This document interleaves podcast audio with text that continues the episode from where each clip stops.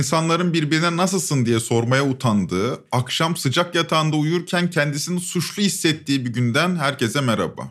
Bu kaydı 8 Şubat'ta hazırlıyoruz ve kayda aldığımız saatlerde hayatını kaybedenlerin sayısı 8574, yaralı sayısı 49131, yıkılan bina sayısı ise 6444 olarak açıklandı. Herkesin aklındaki soruyu bu bölümde cevaplamaya çalışacağız. Nerede bu devlet?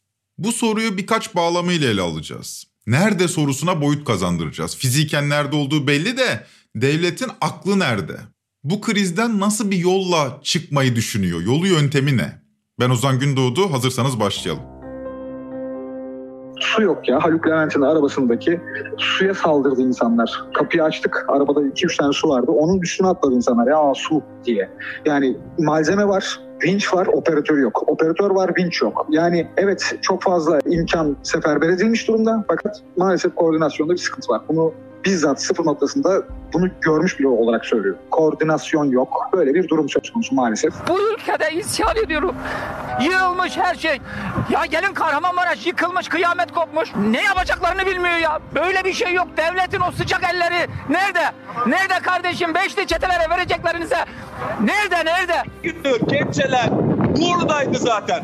Ben yetkililer buradaki şoförlerle çalışan arkadaşlarla konuştum. Yalvardım ne zaman neden çalışmıyorsun? Dedikleri şey sadece bizi AFAD yönlendirebilir. Onların dışında hareket edemeyiz. Ya neyi bekliyoruz? Cesetleri toplamayı mı bekliyoruz Hatay'da? Neyi bekliyoruz Allah aşkına? Cumhurbaşkanımız, İçişleri Bakanlığı mı? Devlet tüm imkanlarıyla başta AFAD olmak üzere AFAD'ın koordinesinde bu çalışmalarını belediyelerle birlikte yürütmektedir. Bazı yerlerde ilk etapta havaalanlarında sıkıntılarımız oldu. Yollarda sıkıntılarımız oldu ama bugün daha rahatız. Yarın daha rahat olacağız. Daha sonra inanıyorum ki daha rahat olacağız.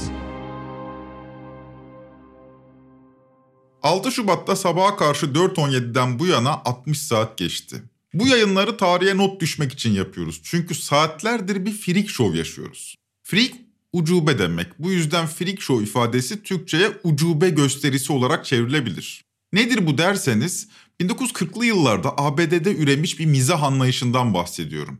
Engelli insanlarla dalga geçilen, insani duyguları aşınmış bir komiklik gösterisi bu. Kolu olmayan bir kişinin önüne kola şişesi koyup içmesini izleyip beceremeyince gülmek gibi. Böyle bir gösteride bulunsanız eğer normal bir zihin dünyanız varsa rahatsız olursunuz. O yüzden freak show ifadesi normal zihinleri rahatsız eden bir atmosferi tarif etmek için kullanılan bir deyim yani.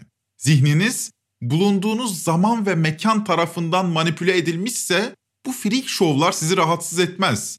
Nitekim yıllarca, milyonlarca insan bu şovlara güldü. Gerçekti yani freak show'lar bundan yıllar önce. Türkiye'de saatlerdir bir freak show yaşıyoruz. 7.7'lik deprem zamanı da mekanı da alt üst etti ve zihnimiz manipüle oldu. Bu kayıtları da şahsen bu motivasyonla hazırlıyorum. Bu freak show bitip zihnimiz normale döndüğünde yaşadığımız şeyin farkına varalım diye. Örnek mi istiyorsunuz? Alın size Sanayi Bakanı Mustafa Varank. Uşak'taki üreticilerimiz 1 milyona yakın battaniyeyi şu anda bu bölgeye gönderiyorlar. Bir kısmı ulaştı, bir kısmı şu anda yolda. Bu da aslında Türkiye'nin üreten bir ülke olduğunun da göstergesi. Elbette ciğerimiz yanıyor. Kayıplarımız bizi çok üzüyor. Biz tekrar kayıplarımıza Allah'tan rahmet diliyoruz. Ama üretim tarafında tabii ki Türkiye'yi üreterek büyüyen bir ülke olma yolunda desteklemeye hükümet olarak devam edeceğiz.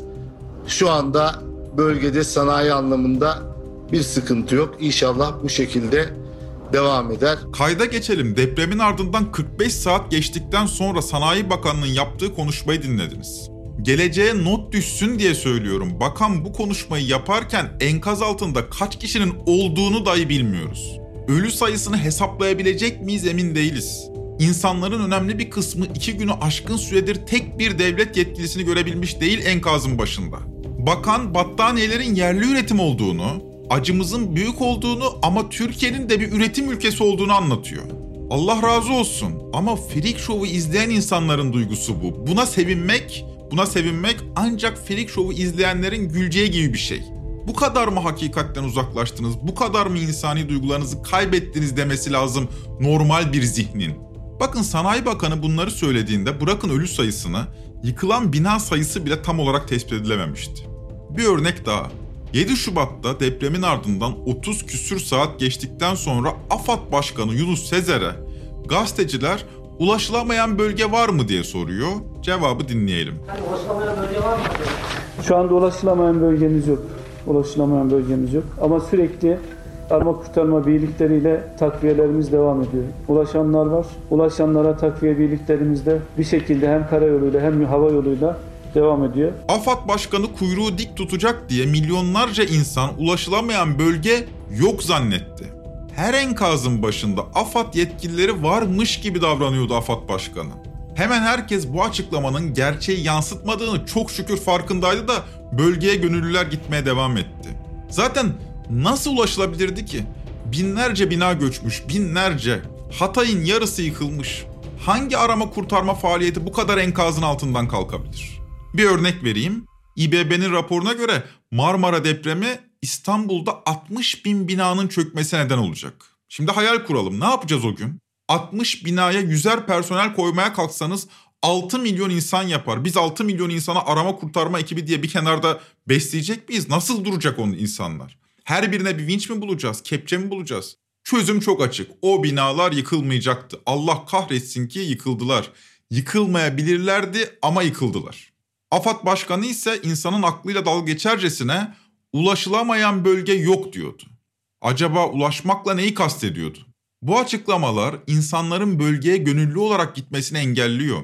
Sosyal medyadaki mesaj kutum bölgede gönüllü ihtiyacı var mı sorularıyla dolu. Bence var. Çok sayıda gönüllüye ihtiyaç var hem de. Ama AFAD'a göre her şey kontrol altında. Peki ya hakikat ne? Bir tane Allah'ın kulu yok. Nerede bu hükümet? Bu nerede bu Recep Tayyip Erdoğan? Nerede? Nerede? Hani? Bekliyoruz kardeşim, bekliyoruz. Elleme. Devleti bekliyorum ben, 30 yılımı verdim öğretmenim ben. 30 yıldır bu ülkeye öğretmen olarak hizmet ediyorum yani. Bir gün istedim bu devletin yanımda, bir gün. Biz 48 saattir şurada 48 bin defa ölüyoruz. Nerede devlet? Kimse gelmedi.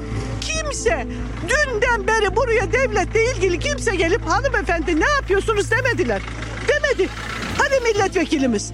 Hani bakanımız? Hani cumhurbaşkanımız? Nerede? Ben Türkiye Cumhuriyeti'nin vatandaşı olarak ben bunu hak etmedim. Ben devletimi yanımda istiyorum. Burası Kalealtı, Gaziantep'in merkezi, göbeği. Bugün burada devlet yok, zabıta yok, polis yok, afat yok, ümke yok. Valinin önündeki polis bile validen haberim yok diyor. Hiç kimse yok. Devlet nerede? Bu gece burada devlet yok. Nerede bu devlet? Çıksın gelsin. Nerede bu devlet sorusunun 8 Şubat itibariyle tek bir cevabı var. Devlet kuyruğu dik tutmakla meşgul. Facianın boyutunu 6 Şubat sabahından beri biliyor ama karizması çizilsin istemiyor. Çünkü o çizik karizma üzerine çok büyük laflar edildi. 17 Ağustos depreminin yarattığı travma üzerine bir iktidar inşa etmişlerdi. İktidarın propaganda aparatları her fırsatta 17 Ağustos 1999 günü Bülent Ecevit'in TRT mikrofonlarına söylediklerini alaya aldı.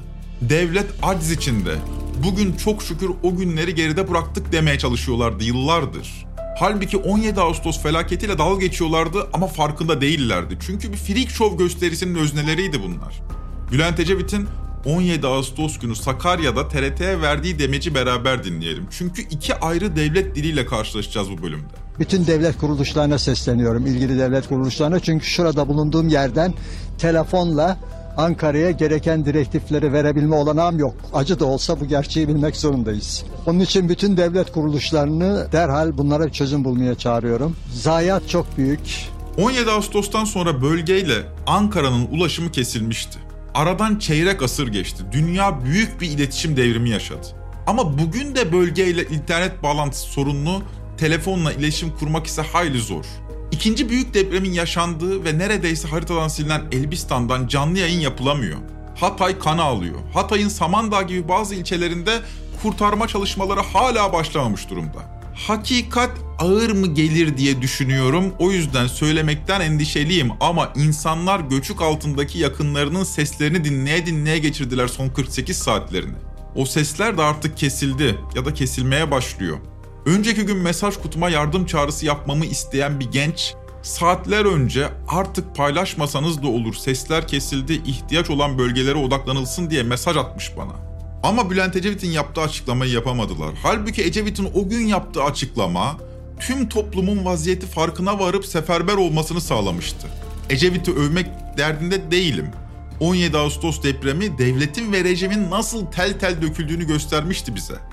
Ama Ecevit'in başbakanın olmasının ardından da bir yıl bile geçmemişti deprem olduğunda. Dolayısıyla bir siyasetçi olarak bu açıklamayı daha rahat yapabilmişti. Çünkü sorumluluk zaten Ecevit'te değildi. Öyle düşünülüyordu. Bugün ise 20 yılı geride bırakmış bir iktidarla karşı karşıyayız. Her şeyin düzgün olduğunu, sorunsuz işlediğini anlatmak zorundalar. O yüzden Ecevit gibi yapamıyorlar. Aksi durumda bu zamana kadar ne yaptığınız sorusuyla baş başa kalacakları için gerçeği itiraf edemiyorlar. Bu nedenle kuyruğu dik tutuyorlar, dik tutmak zorundalar. Fakat bu tavırları bölgeyle kurulan dayanışma ağına zarar veriyor. Bölgeyle kurulan iletişim ise büyük oranda sosyal medyadan ilerliyor. Sosyal medya son derece etkili ve muazzam fırsatlar sunuyor ama bana kalırsa bir sorunu da beraberinde getiriyor. İnsanlar sosyal medya paylaşımları yoluyla ellerinden geleni yaptıklarını düşünüyor olabilirler. Gazeteci Ruşen Çakır bana kalırsa son derece önemli bir kıyas yapmış. Marmara depreminde bugünkü gibi sosyal medya olsaydı o kadar etkili bir sivil toplum olmayabilirdi. Sosyal medyanın sağladığı bir takım imkanlar var. Örgütlenmeyi kolaylaştırması vesaire var ama Marmara depremindeki o kendiliğindencilik çok muazzam bir şeydi. Şimdi şöyle bir şey oluyor. Birçok insan kendini sosyal medyada ifade ettiği için yapması gerektiğini yaptığını düşünüyor olabilir. Şimdi 17 Ağustos 1999'da karşılaştığımız tablodan belki de daha ağır bir tabloyla karşı karşıyayız. Ama devleti idare eden güçler görüntüye zarar vermemek adına hareket ediyor. Tüm Türkiye'nin kalbi belki deprem bölgesinde atıyor ama 17 Ağustos'ta gördüğümüze benzer bir gönüllü halk hareketinin bölgeye gittiğini göremiyoruz. Birçok nedeni var bunun. Her şeyden önce Türkiye'de bir sivil toplum var mı diye sormak gerekir sivil toplumun yıllardır baskı altında olması halk kitlelerinin organizasyonunu zorlaştırıyor. Zaten bu yüzden sadece AFAD olsun isteniyor. Sadece AFAD. Halbuki böyle bir faciayla tek başına AFAD'ın mücadele etmesi imkansız. Buna karşın sivil toplumdan da açık açık yardım istemiyorlar. Sosyal medyanın da etkili olduğunu söyledim. İnsanlar yardıma muhtaç kişileri sosyal medyada paylaşarak görevlerini yerine getiriyormuş gibi davranıyor olabilirler. Öte yandan iş güç de devam ediyor biliyorsunuz. Gönüllü olanlara bir mesai izni çıkarılmış değil. Yani çalışıyor İstanbul'da kişi, gönüllü olmak istiyor ama patron izin vermiyor. Yani işi gücü olan insanlar için gönüllü olmayı teşvik edecek bir düzenleme de yok. Zaten devletin iletişimine göre ihtiyaç da yok. Her şey kontrol altında. Ya öyle bir dille karşı karşıyayız ki neredeyse yardıma ihtiyaç yok. Ha deniyor illa yardım göndermek isterseniz şu hesaplarımız var, şu kanallarımız var falan. Peki hakikat ne? Habertürk'ten Mehmet Akif Ersoy Hatay'da depremden bir gün sonrasını şöyle anlatmış. Elektrik yok şehirde hala. Tamamen hayalet kentti Hatay. Hiç kimse yoktu sokakta. Hiç ışık yoktu. Dolayısıyla böyle önüme telefonumun ışığını yakarak yollardan yürüdüm. İki tarafımda yıkılmış binalar var. Önce gerçek olamaz dedim. Baktım ses duyuyorum binaların arasından böyle. Bağıran, sessizce bağıran, çok bitkin bağıran insanlar var. Ah ayaklarımın böyle ucuna basarak önce dedim ki gideyim e, sesleneyim bir şey söyleyeyim. Çok kötü ya. Hani buradayız yardım edeceğiz diyeyim. Hala ya ne var sağımda mı ne sesler? solumda ne önümde ne arkamda. İki kilometre boyunca hiç kimse yok. Akif, insan yok hala yani. var O mı caddede sesler? benden başka insan yok. Arama kurtarma yardım ekibi falan araba hiçbir şey demiyorum yani. Valizim elinde tek başıma yürüyorum. Dedim ki burada böyle bir şey söylersem hani hiçbir şey yapamayacağım. Utanarak yürüdüm. Caddede böyle ayağımın ucuna basarak benim yürüdüğümü duymasın enkaz altındaki insanlar diyerek geçtim oradan. Bu hakikati hepimiz farkındayız ama devlet kurumları kuyruğu dik tutma telaşında demiştim. Mehmet Akif Ersoy'un Hatay sokaklarında utanarak yürüdüğü dakikalarda AFAD Başkanı Yunus Sözen ulaşılamayan bölge yok diyordu. 7 Şubat akşamı Kızılay Başkanı Kerem Kınık bu açıklamayı pekiştirdi. Kızılay Başkanı enkazların tamamına ulaşıldığını söylüyor. Depremde yıkılan binaların yüzde kaçına ulaşabildik aşağı yukarı şu dakika itibariyle? tamamına ulaşıldı. Yani tespit yapıldı, canlı kontrolü yapıldı, arama kurtarma planlaması yapıldı. Çok büyük oranında da arama kurtarma bir kısmı tamamlandı, diğerlerine geçildi. Yani şu an ulaşılamayan bir nokta yok. Tabii bu açıklama karşısında stüdyo dehşete düşüyor. Nasıl olur? Daha biraz önce bölgeden yayın yapılmış, insanlar enkazın başında çaresiz beklerken enkazların tamamına ulaşıldı ne demek? Hem de Kızılay Başkanı söylüyor bunu. Haliyle Kübra Par da bu soruyu Kızılay Başkanı'na yöneltiyor. Ama bize Hayır, öyle bilgiler var. gelmiyor. Sayabilir az önce yayında Kübra? bile muhabir arkadaşlarımız hiç çalışmanın şöyle- başlamadığı şöyle- enkazlardan yayın yaptılar. Şöyle, şöyle diyorum yani ulaşılıp tespit yapılıyor ama arama kurtarma ekipleri sıraya alıyor müdahaleyi. Şimdi anlaşıldı. Ulaştık dediği şu adamın. Tespit yapılmış yani. Yıkıldığını tespit etmişler. Kızılay Başkanı buna ulaştık diyor. Allah kahretsin ne diyelim. Yıkıldığı tespit edilmiş ve bunu ulaşılamayan enkaz yok diye duyuruyorsunuz. Ayıp değil mi Allah aşkına? Kübra Par sormasaydı ne diyecektiniz? Eksikleri gedikleri söylemek, durumu teşhir etmek, hatta en basit gazetecilik faaliyeti bile siyaset yapmak olarak kavranıyor. Bölgeden gelen haberlere yalan damgası yapıştırılıyor ve her şeyin kontrol altında olduğu mesajı tüm topluma dayatılıyor. Nitekim Cumhurbaşkanı Erdoğan'ın depremden 35 saat sonra yaptığı konuşması da buraya işaret ediyor. Devlet ve millet el ele vermiş. Bu tarihi felaketin üstesinden gelmeye çalışırken yalan haberler ve çarpıtmalarla insanımızı birbirine düşürmeye niyetlenenleri yakından takip ediyoruz. Gün onlarla tartışma günü değildir. Günü geldiğinde şu anda tuttuğumuz defteri de açacağız. İşte nerede bu devlet sorusu da böylece cevap buluyor. Devlet dediğiniz burada işte. Tam da bulunduğunuz yerde. Yazdıklarınız, çizdiklerinizin üzerindeki gözlerde devlet. Anlattıklarınıza uzatılan kulakta devlet. Tabii devletin bu dili vatandaşın korku içinde olmasına da neden oluyor. Nasıl yani sorarsanız bana çok çarpıcı gelen bir röportajı kayda geçirelim. Fox Haber muhabiri Merve Görgün, Gaziantep'te ateşin başında bekleyen afetzedelere mikrofon uzatıyor. Enkazın altından saatler önce ailesi çıkarılmış, babası hala enkaz altında olan genç bir kadın dinleyeceksiniz şimdi. Çalışmalar nasıl? Yardım geldi mi? Hiçbir şekilde gelmedi. Bunu kesinlikle kendi belirtin. çabamızla yaptık. Biz kendi çabamızla annemi çıkarttık. Babam hala içeride yatıyor. Göndermiş. Ablam çıktı. Ablam sağ sadece aileden. Kendi çabamızla yapıyoruz. Böyle bir devlet nerede anlamıyorum yani. Beni de içeri atıyorlarsa atsınlar bu konuda. Öyle bir atmosfer ki göçmüş evinin önünde duran genç bir kadın bir gazeteciye durumunu anlatırken içeri atılmaktan endişe ediyor bakın. Bu kişi tutuklanmaktan korkuyor. Beni de içeri atarlarsa atsınlar diyor. Ya ne kadar sindirilmişiz meğer. Nerede bu devlet bile diyemiyoruz. Dediğimiz zaman tutuklanacağımızdan endişe ediyoruz. Nitekim tutuklanıyoruz da. Bir başka röportaja daha gidelim. Fox Haber muhabiri Sevgi Şahin Maraş'ta bir akaryakıt istasyonunun durumunu anlatıyor. Bu esnada bir afetzede Sevgi'nin mikrofonunu kapıyor Ee, merhabalar. Yedi kere deprem olsa da altılı masaya yok. diyor. Basit bir gazetecilik faaliyetine halkın gerçeğini kamuoyuna ulaştırmayı siyaset yapmak olarak kavruyor insanlar. Fox TV'ye de aklınca ders veriyor. Oyumuz aynı diyor, değiştirmedik oyumuzu. Sanki bunu dert eden varmış gibi şu anda. Bu yayınların iktidara zarar verdiğini düşünüyor ve bu yayınların bu nedenle siyaset yapmak olduğunu zannediyor. Bu yüzden gazeteciye de ders veriyor. Bu yayınları yapmayın siz siyaset yapıyorsunuz. Halbuki gazeteci sadece işini yapıyor. Halbuki ham hakikatten bahsediyor. Ham hakikat iktidara zarar veriyorsa da veriyor yani ne yapsın gazeteciler? Halkın durumunu paylaşmasın mı? Hakikat iktidara zarar veriyor diye hakikati eğip bükmek değil midir asıl siyaset? Bu arada 19 Ağustos 1999 günü Yeni Şafak devlet çöktü manşetiyle çıkmış. Aynı gün Akit gazetesi devlet enkaz altında manşetiyle çıkmış. Yani bugün siyaset yapmakla suçlayanların da o günlerde attığı manşetler belli. Bir başka sokak röportajı NTV muhabiri Maraş'tan bildiriyor. İnsanlar feryat etmeye başlayınca yayın kesiliyor. Yani sözüm ona NTV bu tavrıyla siyaset yapmamış oluyor. Bulunduğumuz bu cadde e, hasarın en yoğun olduğu şey.